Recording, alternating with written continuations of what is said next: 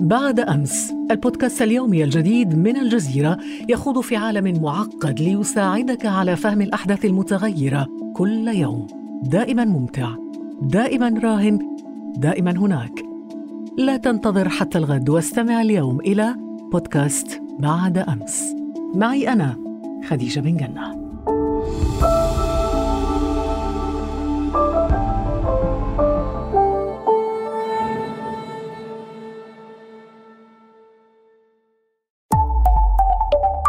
الجزيرة بودكاست.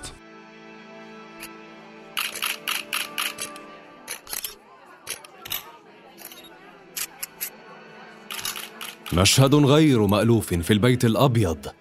يجلس الرئيس الأمريكي رونالد ريغن أمام عدسات المصورين.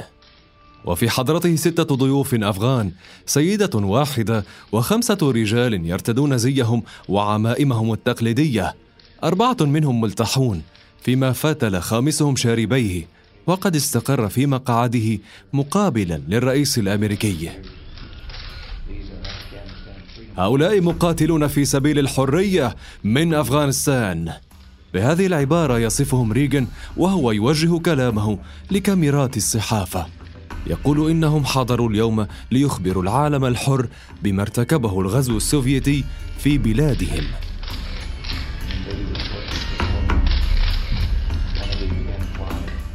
السيدة التي تجلس معهم كانت أسيرة في قبضة السوفييت وقد تعرضت لتعذيب على مدار أربعة أشهر. السوفييت كذلك قتلوا زوجة رجل آخر من الحاضرين أمام طفليهما. هكذا يستمر رونالد ريغان في سرد قصص ضيوفه الأفغان قبل أن ينهض أحدهم من مكانه ليخلع سترته ويكشف عن آثار القتال في جسده. يقترب من الرئيس الأمريكي ويشير إلى الندبات التي تركتها شظايا السلاح السوفيتي في لحمه. لقطات وثقتها الكاميرات في ذلك اليوم. إنه مطلع شباط فبراير من عام 1983 الولايات المتحدة توجه أنظار العالم أجمع إلى غزو السوفييت لأفغانستان. تسخر الأموال والدعاية الإعلامية لدعم المقاتلين الأفغان وتحريض حكومات العالم لعونهم.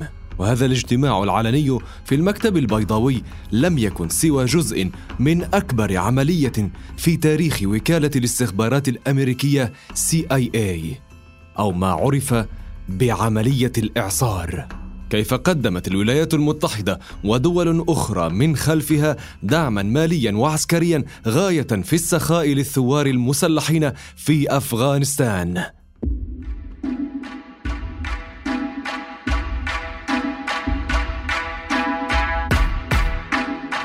أهلا بكم في هذه الحلقة من بودكاست لحظة من الجزيرة. أنا فريد وهذه الحلقة بعنوان عملية الإعصار.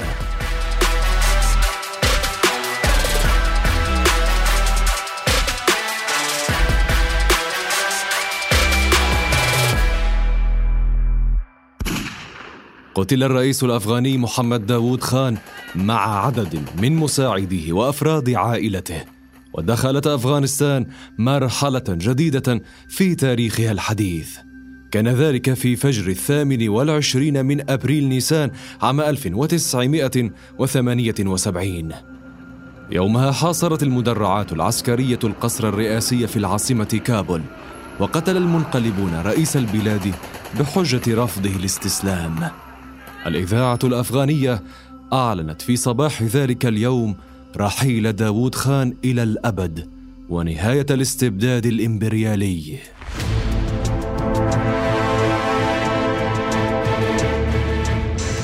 كان القادة الذين نفذوا الانقلاب في ذلك العام ذوي ولاء اشتراكي سوفيتي وبدت أفغانستان أرضا ستشهد مواجهة فعلية في سياق الحرب الباردة. الباحث في العلوم السياسية عبد الرحمن السراج يقول إن دعم السوفييت لتوجهات بعينها في أفغانستان لم يكن وليد اللحظة. ينبغي الإشارة إلى أنه في عام 1979 بدأ واضحا لدى كل من الأمريكان والسوفيت أن هناك مواجهة قادمة من مواجهات الحرب الباردة في أفغانستان. الدعم السوفيتي لليساريين الأفغان في السبعينيات تكلل في ثورة أبريل 1978 التي سيطر من خلالها الشيوعيون على الحكم وأعلنوا جمهورية أفغانستان ديمقراطية. وفي فبراير 1979 تحولت أفغانستان بالنسبة للسوفيت من منطقة نفوذ إلى مصدر محتمل للتهديد بعد الإطاحة بنظام الشاه في إيران ذي الهوى الغربي بسبب الثورة الإسلامية. فور تسلم حزب الشعب الديمقراطي المدعوم من السوفييت للسلطة أعلن عن إصلاحات ذات طابع شيوعي. لم تلق هذه التغييرات ترحيبا. فثارت فئات مختلفة من الشعب كما أدت الإشارات حول ارتباط الانقلاب الأخير بالمخابرات السوفيتية إلى مواجهة جديدة. عام ونصف واجهت فيه الحكومة الثائرين والمعارضين وشهد الحزب الحاكم تنافسا بين الفصيلين اللذين يشكلانه خلق وبرشم. تنافس تخلله إبعاد واغتيالات. ثم توج النفوذ الروسي في أفغانستان بالغزو العسكري في الخامس والعشرين من كانون الأول ديسمبر من عام تسعة وسبعين. وفور دخولهم نصبوا حليفهم بابراك كارمل المنتمي لفصيل برشم رئيسا للبلاد.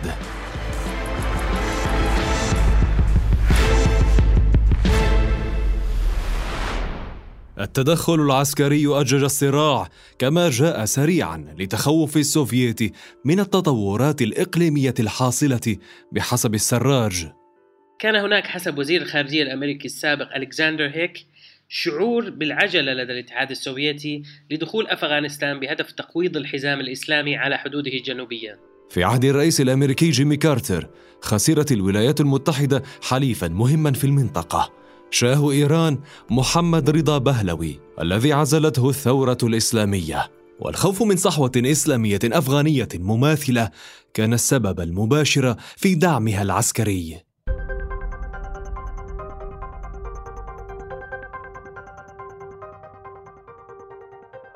بعد عشرة أيام من الغزو السوفيتي لأفغانستان حذر الرئيس الأمريكي كارتر من تهديد السوفييت للسلام. 50,000 heavily armed Soviet troops have crossed the border. خمسون ألف جندي سوفيتي بعتادهم الثقيل قد عبروا الحدود وانتشروا في أنحاء أفغانستان سعيا لإخضاع الشعب المسلم المستقل في ذلك البلد. هكذا يصف كارتر المشهد. هذا المشهد الذي قاد الولايات المتحدة إلى دعم الثائرين على الحكومة الشيوعية في كابول كما يقول السراج. منذ منتصف السبعينيات بدأت مفاوضات بين المخابرات الباكستانية وواشنطن بشأن مساعدة الثائرين ضد الحكومة الشيوعية في أفغانستان. وقبل الغزو السوفيتي لأفغانستان أعطى الرئيس الأمريكي كارتر إذنا لل CIA بتقديم مساعدات غير قاتلة بقيمة نصف مليون دولار للمجاهدين. جاء قرار كارتر في يوليو تموز عام 79 أي قبل ستة أشهر من الغزو العسكري. أنفق الأمريكيون هذا المبلغ على الدعاية والحرب النفسية خلال ستة أسابيع فقط. وفي مطلع عام 80 بعد أسبوعين فقط من التدخل العسكري قررت الولايات المتحدة تزويد المقاتلين بأسلحة خفيفة سوفيتية الصنع أبرزها رشاش الكلاشنكوف حتى يبدو كأن المقاتلين استولوا عليها من حكومتهم أو من القوات السوفيتية. اتسم المقاتلون بهويتهم الإسلامية وكان منهم الحزب الإسلامي بقيادة قلب الدين حكمة يار. وحزب الجمعية الإسلامية بقيادة برهان الدين رباني وجماعة اتحاد الإسلام بزعامة عبد الرسول سياف وغيرهم. أنكرت واشنطن الاتهامات التي لاحقتها بتدريبها للمقاتلين الأفغان في معسكرات داخل باكستان. فيما ظل رجال في الإدارة الأمريكية لا يرون الدعم الذي تقدمه بلادهم كافياً.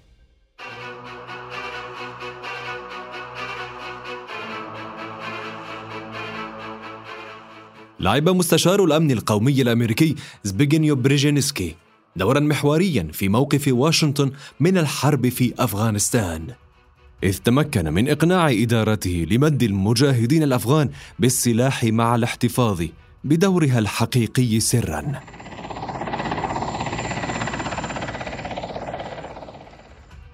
في فبراير شباط من عام ثمانين وفي زيارة سريعة إلى معسكر للاجئين الأفغان في باكستان وقف بريجينسكي ومن حوله حشد من المستقبلين. في هذا الموقع القريب من الحدود مع أفغانستان رفع سبابته مشيرا إلى المدى وقال إن تلك الأرض هي أرضكم يوما ما ستعودون إليها. وستستعيدون منازلكم ومساجدكم لأن قضيتكم محقة ولأن الله معكم.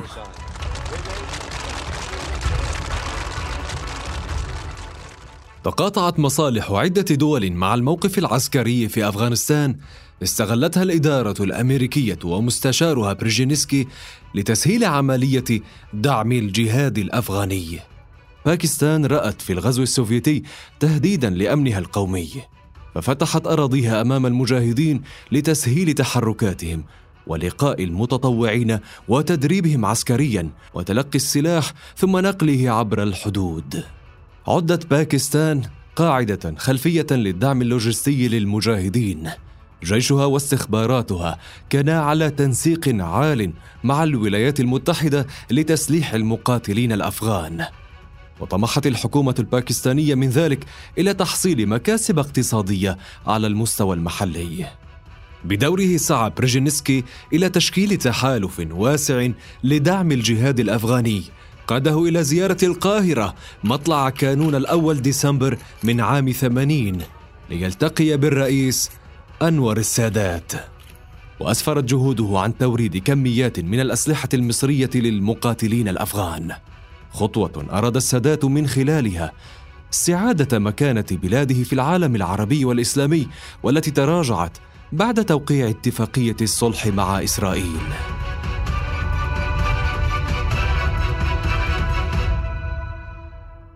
مع تطور الحرب الباردة بين معسكري الشرق والغرب، انحازت دول عربية للولايات المتحدة. المملكة العربية السعودية كانت من أبرزها، فإلى جانب المصالح النفطية بدت هويتها الإسلامية مناسبة لخلق توازن في المنطقة أمام التوجهات القومية العربية بزعامة الرئيس المصري جمال عبد الناصر. وهكذا رأت الولايات المتحدة في هذه التوجهات حليفا يمكن استثماره في مواجهتها مع الاتحاد السوفيتي. في الخامس من كانون الأول ديسمبر من عام 80 توجه زبيغنيو برجينسكي إلى المملكة مباشرة بعد انتهاء زيارته للقاهرة ولقائه السادات. في الرياض استقبله ولي العهد الأمير فهد بن عبد العزيز آل سعود. سرعان ما اتفق الطرفان على تأسيس صندوق لدعم الجهاد الأفغاني تحت إشراف من الاستخبارات الأمريكية والمخابرات السعودية. أهداف الولايات المتحدة في ذلك الوقت انسجمت مع تخوف الأنظمة العربية من تصاعد الحركات الدينية وتهديدها المحتمل. حوادث متتالية حملت دلالات على ذلك. الثورة الإسلامية في إيران واقتحام جماعة جهيمان العتيبي للمسجد الحرام واغتيال الرئيس المصري أنور السادات. بدا حث هؤلاء الشباب على شد الرحال إلى أفغانستان. فكرة جاءت في وقتها كما يقول الباحث في الجماعات الإسلامية والمدرب في القانون الدولي الإنساني الدكتور مروان شحادة. انسجمت الرؤية الأمريكية مع النظم العربية لأنه كما هو معروف عام 79 كان علامة فارقة في المشهد السياسي والأمني والعسكري في منطقة الشرق الأوسط وكثير من المناطق. فبالتالي المشهد في تلك المر المرحلة كان يشهد تصاعدا للصحوة الإسلامية التي بدأت تفكر بالوصول للحكم. فبالتالي كخطوة استباقية وقائية من تلك النظم السياسية سهلت وصول هؤلاء الأشخاص الذين سيشكلون خطرا مستقبليا على استقرارها السياسي والعسكري والأمني. بدت الطريق سهلة أمام الراغبين بالجهاد وبرز دور المنابر والمحاضرات الدينية وأشرطة الفيديو في تشجيع الشباب على الانضمام لإغاثة الأفغان أو القتال معهم. والجهاد في الأفغان من أفضل الجهاد هو جهاد شرعي جهاد في سبيل الله جهاد لأخبث دولة وأكثر دولة هذا صوت رئيس هيئة كبار علماء السعودية الشيخ عبد العزيز بن باز. يدعو المسلمين إلى مساعدة المجاهدين بالنفس والمال. إنه الخطاب السائد في المملكة ودول عربية أخرى. الشباب الملتزم آنذاك لم تكن له أيديولوجية واضحة المعالم فهب آه، كثير من الشباب من الإخوان المسلمين لأنه في الواقع حركة الإخوان المسلمين كانت أكثر أو جماعة الإخوان المسلمين كانت أكثر الجماعات الإسلامية انتشارا وتأثيرا على الشباب.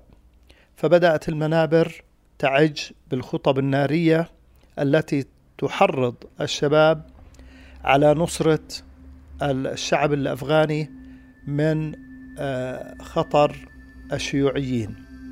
أسماء مختلفة برزت حينها. المتعاطفون تأثروا بالمحاضرات والأفلام التي تنقل صمود الأفغان وحاجتهم للدعم. كان المليونير السعودي أسامة بن لادن واحدا منهم. سبقه إلى ذلك القيادي الفلسطيني عبد الله عزام أول دعاة الجهاد الأفغاني. مع ذلك لم يأخذ نشاطهم طابعا عسكريا من البداية. آه، ربما لغاية الأربعة وثمانين أو الخمس وثمانين لم يكن المجاهدون العرب أو المتطوعون العرب يشاركون في العمليات القتالية بل كان دعمهم منحصر على توفير المال الدعم الإعلامي الدعم المعنوي والسياسي لشرعنة آه، الجهاد الأفغاني. وفيما بعد انتقل إلى مشاركة فعلية بالقتال بعد تأسيس المعسكرات على يد عبد الله عزام وأسامة بن لادن. إلى جانب الدعم المعنوي والإغاثي أقيمت المعسكرات لتستقبل المتطوعين وتنفق عليهم وتدربهم. وقد ضمت شبانا من الخليج والدول العربية وكانت كلها إجراءات تتم عبر مكتب للخدمات تأسس لإرشاد المتطوعين الجدد. أشعر بأن خدمة المجاهدين عبادة. لله عز وجل. نحن لم نعمل منظمة جديدة. مكتب الخدمات وظيفته خدمة جميع الأحزاب الجهادية في داخل أفغانستان. شباب جمعناهم لخدمة الجهاد الأفغاني ممن يتعطشون بالشهادة في سبيل الله.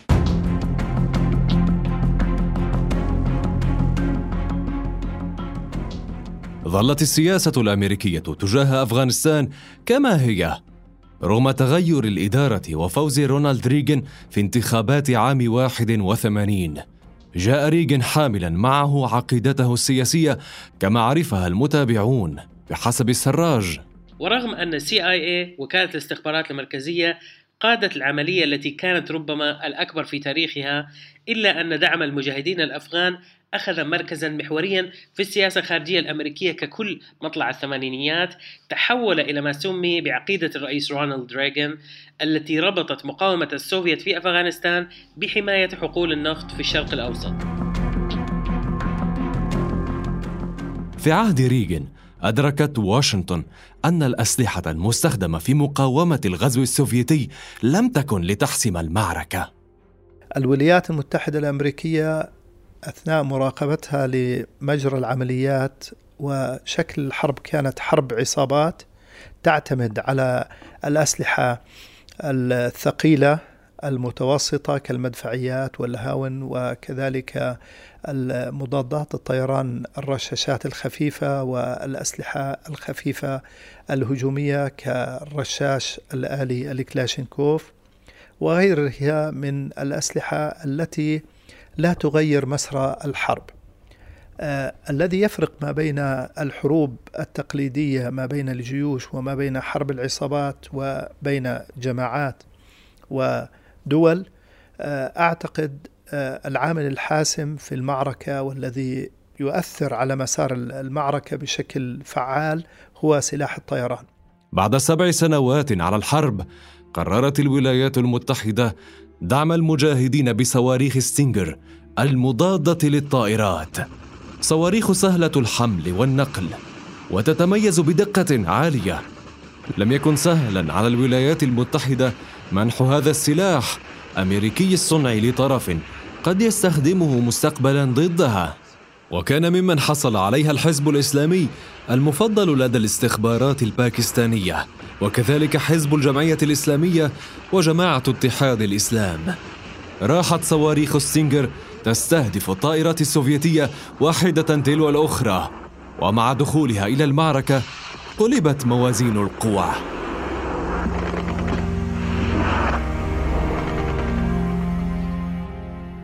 اكتسب الحديث حول الصواريخ الأمريكية زخما عالميا إلا أن القيادي عبد الله عزام كان يرى في إيلائها هذا الاهتمام مبالغة كبيرة؟ نظهر الجهاد الأفغاني على أساس أنه صنيعة أمريكية نحن نحركهم كلما قدمنا صاروخ ستينجر يكتب ألف مقال عن صاروخ ستينجر. فأصبحت أصبح الجهاد الأفغاني صاروخ ستينجر. هكذا مضى ريغان في عملية الإعصار أكبر العمليات التي تقودها وكالة الاستخبارات الأمريكية CIA في العالم. حتى انتهت بانسحاب السوفيت بالكامل في فبراير شباط عام 89 دعم الأفغان بالمال والعتاد والدعاية الإعلامية. استقبل مقاتلين منهم في البيت الأبيض ثلاث مرات في سنوات الثمانينات ليحكي قصصهم أمام عدسات الكاميرات. أكثر من ملياري دولار ضختها الولايات المتحدة والمملكة العربية السعودية وحتى الأثرياء المسلمون على مقاومة السوفييت. ورغم أن مليون مدني قتلوا في هذه الحرب العنيفة إضافة إلى مئة ألف مقاتل أفغاني وخمسة ملايين آخرين أصبحوا لاجئين. هزم المجاهدون قوات السوفييت ثم هزموا حكومة محمد نجيب الله الموالية لهم. ليصلوا العاصمة كابول في عام 92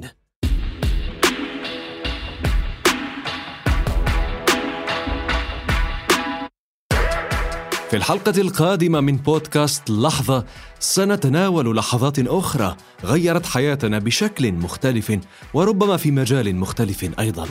انتظرونا الأسبوع المقبل لتتعرفوا على اللحظة القادمة.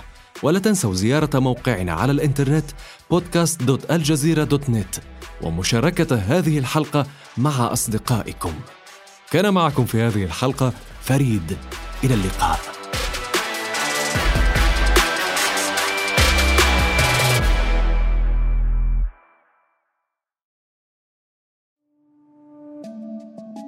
بعد أمس البودكاست اليومي الجديد من الجزيرة يخوض في عالم معقد ليساعدك على فهم الأحداث المتغيرة كل يوم. دائما ممتع دائما راهن دائما هناك. لا تنتظر حتى الغد واستمع اليوم إلى بودكاست بعد أمس. معي أنا خديجة بن جنة.